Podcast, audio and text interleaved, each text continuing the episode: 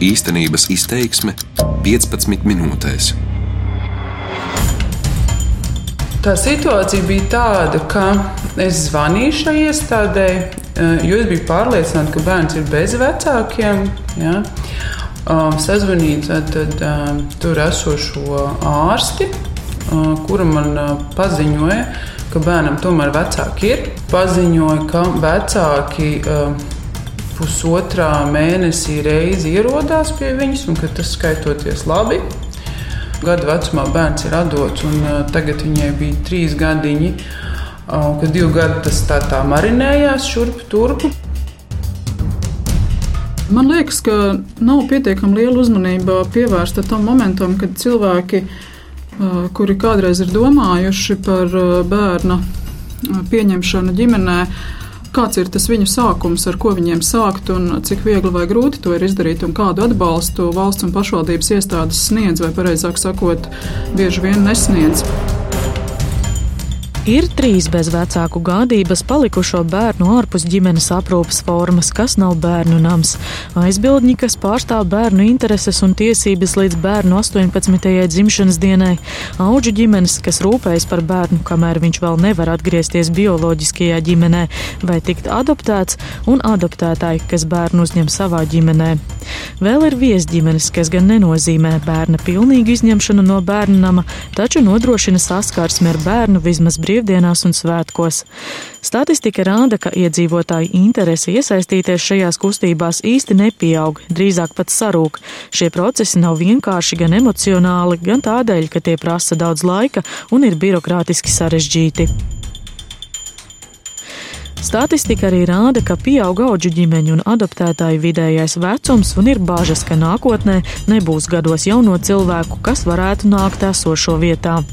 Lai ģimenēm sniegtu atbalstu pirmo soļu spēršanā, kad jau pieņemts lēmums par kāda bērna uzņemšanu savā ģimenē, kā arī lai atbalstītu tās ģimenes, kas bērnus jau ir uzņēmušas, Latvijas radio labdarības akcijā dod pieci šogad vāc ziedojumus šo ģimeņu atbalstam.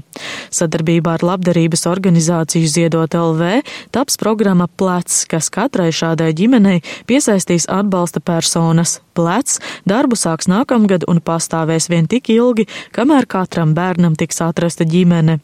Šodien sākam jaunu trīs raidījumu sēriju par problēmām, kas biedē vai kavē daļu sabiedrības palīdzēt bērnu namu bērniem un kā tās plānots novērst jau nākamgad. Mans vārds ir Vita Onstrate.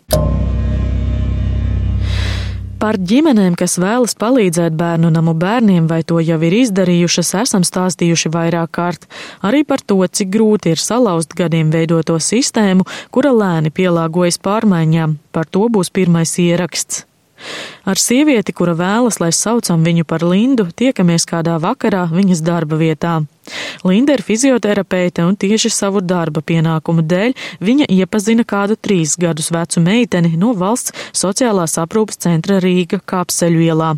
Šis bērnunams kļuvis skandalos pēc žurnālistikas eksperimenta zīdaiņu aukle, kurā konstatējām vardarbību, bērnu potenciālu degradēšanu un pamešanu vientulībā kā rezultātā no amata atstādinātas augstas amatpersonas. Meitenei, par kuru Linda vēlējās rūpēties, ir fiziskās attīstības problēmas, un pie fizioterapeitas pirms vairākiem mēnešiem meiteni atveda kāda centra darbiniece. Pēc trešās nodarbības fizioterapeite sāka interesēties par aizbildniecību, jo abas ar meiteni sajutušās emocionāli tuvas. Paziņoja, ka bērnam tomēr vecāki ir. Man tas bija diezgan pārsteidzoši paziņoja, ka vecāki uh, pusotrā mēnesī reizi ierodās pie viņas un ka tas skaitoties labi. Uh, tas notiek jau divu gadu laikā, divu gadu garumā, respektīvi, gadu vecumā bērns ir atdots, un uh, tagad viņai bija trīs gadiņi. Kad divu gadu tas tā, tā marinējās šurp turpu, beigās gan izrādījās, ka uh, māte no visām tām reizēm tur ir bijusi uz vienas rokas pirkstiem saskaitāma un uz dzimšanas dienu ierodās ar ūdens pudelīti un pat neuzsmaida bērnam. Redzot, ka faktiski vecāki par meiteni neinteresējas, bet viņa nav juridiski brīva, Linda sāk ar viesģimenes statusa nokārtošanu, un meiteni brīvdienās viņa veda gan uz zooloģisko dārzu, gan uz vasarnīcu. Laikā, kad Linda bērnu apmeklēja, meitene iemācījās runāt pilniem teikumiem un arī staigāt, izmantojot ārstniecisko ortozi. Kādā aprūpes centra darbiniece pat raudājusi, redzot meiteni kāpjam pa kāpnēm, jo viņas ikdiena bija ierobežota ratiņkrēslā. Un lielākoties laiku bērnu namā meitene pavadījusi iekštelpās, ko konstatējām arī mēs, žurnālisti, eksperimentā zīdaiņu aukle. Ja pie bērna ierodās nu, ciemiņi, vai, vai, piemēram, es ierados pirmo reizi, tā apciemošanas vieta nu, bija aptuveni manas istabas lieluma telpa bez logiem ar kaut kādām bērnu maz interesējošām, nu, jo viņi jau tur redz, kuro reizi ir rotaļlietām. Kad fizioterapeite pirmo reizi ieminējās centra darbiniekiem par meitenes izvešanu pastaigā, atkal tika piedāvāts tas pats ratiņkrēsls. Man likās, ka viņas fizioterapeitei tā ļoti pārsteidzoši, jo mans darbs ar viņu liecināja pilnīgi pa pretēju, respektīvi bērnu potenciāls tiek degradēts līdz apakšai, un viņa iespējas redzēt pasauli arī tā kā tiek ierobežotas. Uh, un tikai tāpēc, kad kāds cilvēks sāk runāt, tad kaut kāda procesa virzās, bet arī tur iekšēji nu, es jūtu, ka ir kaut kāda nedrošība, bailes kaut ko teikt un mainīt, un kaut kur vērsties un kaut ko risināt.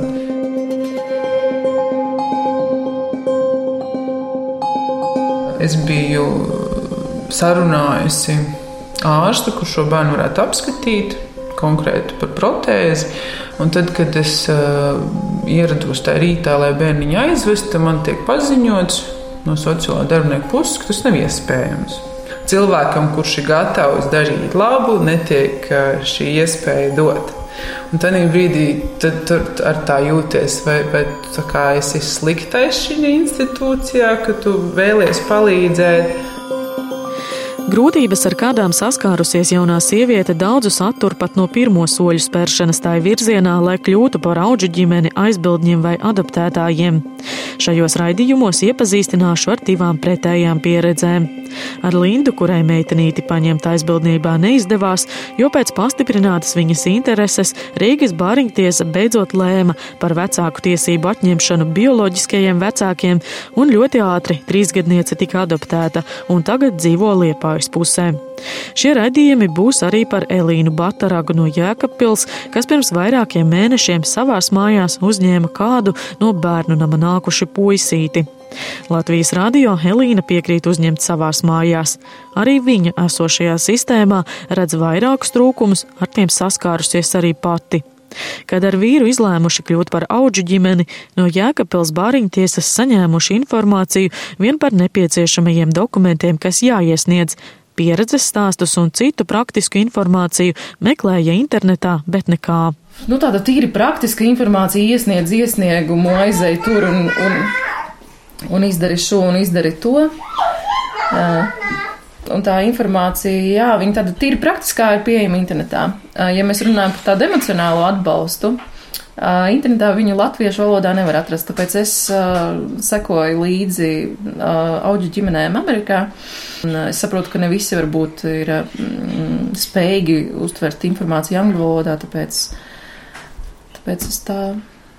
Tā kā, nu, patiesībā, jā, tā informācija bija amerikāņu blogi, fórumi un tādas lietas. Tagad Elīna pati raksta dienas grāmatu internetā un atbild uz citu auģu ģimeņu jautājumiem. Priecājas, jo jautājumu ir daudz un interese ir liela. Pirms auģu bērnu ienākšanas ģimenē bērnu nama, kura nosaukumu šoreiz neminēsim, taču radio par šo bērnu namu ir runājis vairāk kārt, darbinieki aicinājuši uz namu apskatīties, vai puika vispār iepatiksies, kas Elīnai šķītis nepareizi. Nu jā, tā kā mēs vienkārši izlēmām, ka mēs nebrauksim neskatīsimies ka vienkārši ir jāņem un nav ko, nu, uz ko skatīties, uz matu krāsu vai uz acīm, ko tur redzēt. Un es vienkārši es domāju, ja būtu vecāks bērns, tur 4, 5, būtu vienkārši šī bērna labad jābrauc ar viņu runāt, ja, jo tam bērnam ir kaut kādām tiesībām arī jābūt izteikt savu viedokli un saprast, vai viņš grib pie tiem cilvēkiem būt vai nē. Pieredzējusi, ka liela vara ir bērnu namu direktoriem, prioritāšu augšgalā tiekot liktas materiālās vērtības, nevis bērnu likteņi. Sistēmas bērnu sērijā daudz esam stāstījuši par to, cik dārgi valstī un pašvaldībām ir uzturēt bērniem nedraudzīgos namus. Bieži vien mēnesī par katru bērnu aprūpas centri saņem vairākus simtus un pat tūkstošu eiro.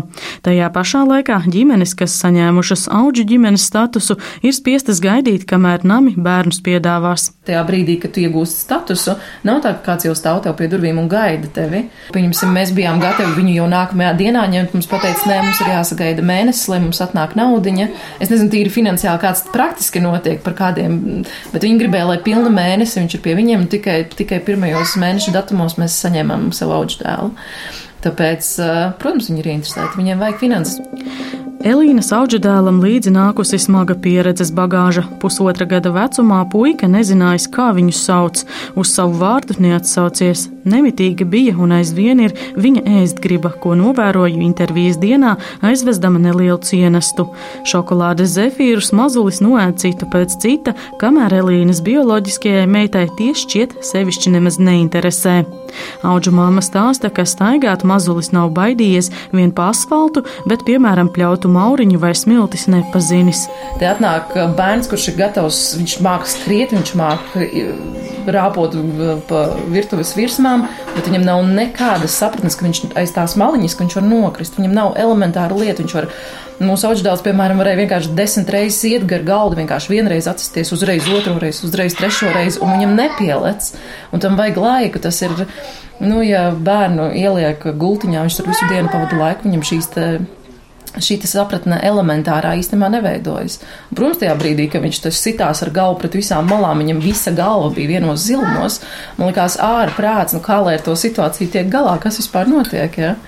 Labdarības maratona dod pieci šī gada vēstnese ir žurnāliste Evita Pūriņa. Viņa kopā ar vīru pirms diviem gadiem kļuvuši par auģu ģimeni. Man liekas, ka nav pietiekami liela uzmanība pievērsta tam momentam, kad cilvēki, kuri kādreiz ir domājuši par bērna pieņemšanu ģimenē, kāds ir tas viņu sākums, ar ko viņiem sākt un cik viegli vai grūti to ir izdarīt un kādu atbalstu valsts un pašvaldības iestādes sniedz vai, pareizāk sakot, bieži vien nesniedz. Evita stāsta, ka tieši iedrošināšanas un uzmundrināšanas līdz šim ir pietrūcis, lai tās ģimenes, kas par bērnu uzņemšanu domā, to patiesi izdarītu.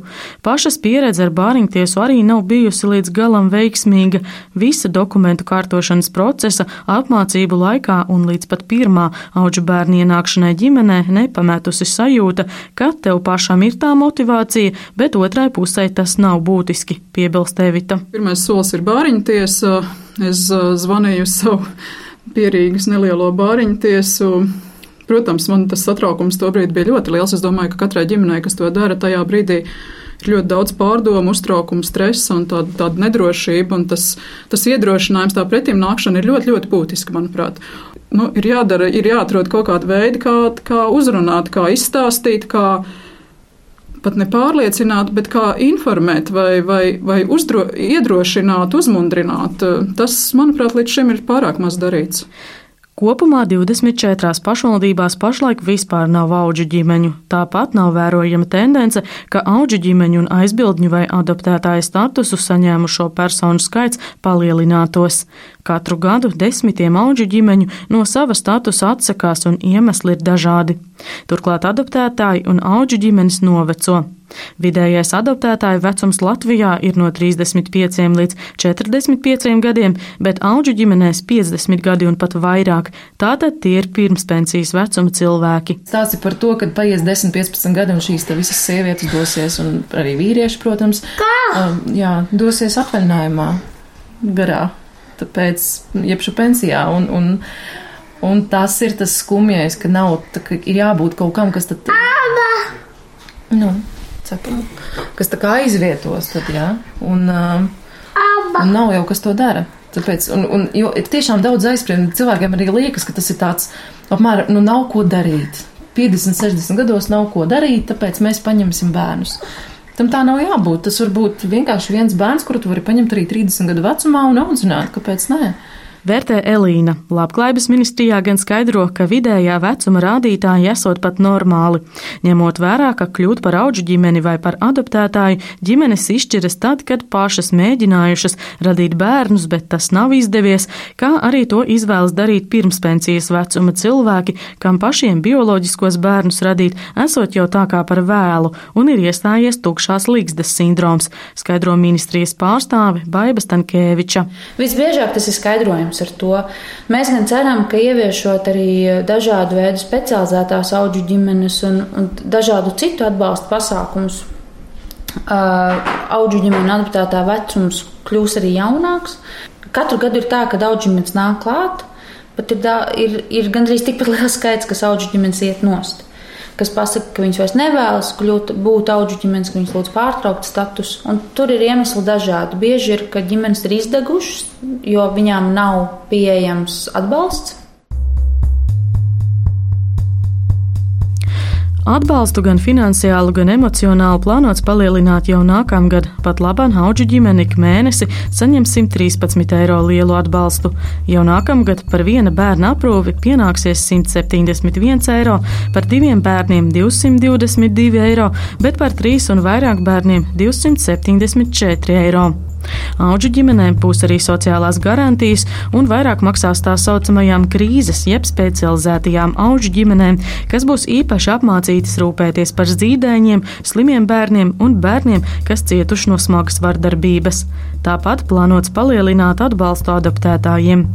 Par emocionālā atbalsta līdzinēju trūkumu būs nākamais īstenības izteiksmes raidījums, kurā stāstīšu par to, kādēļ sabiedrības attieksme pret cilvēkiem, kas vēlas savās ģimenēs uzņemt uzņemt bērnus, mēdz būt noliedzoša?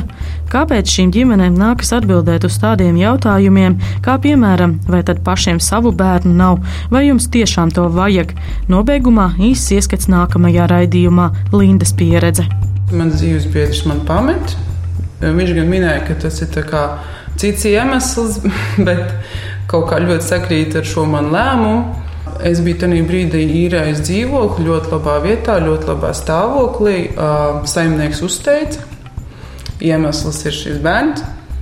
Un tas arī man bija ļoti liels.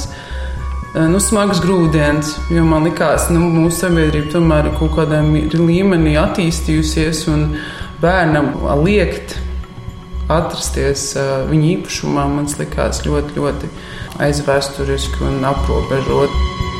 Raidījumu veidoja Vita Anstrate un Kaspars Groskops. Darbības vārds īstenības izteiksmē izsaka darbību kā realitāti. Tagatnē, pagātnē vai nākotnē, vai arī to noliedz.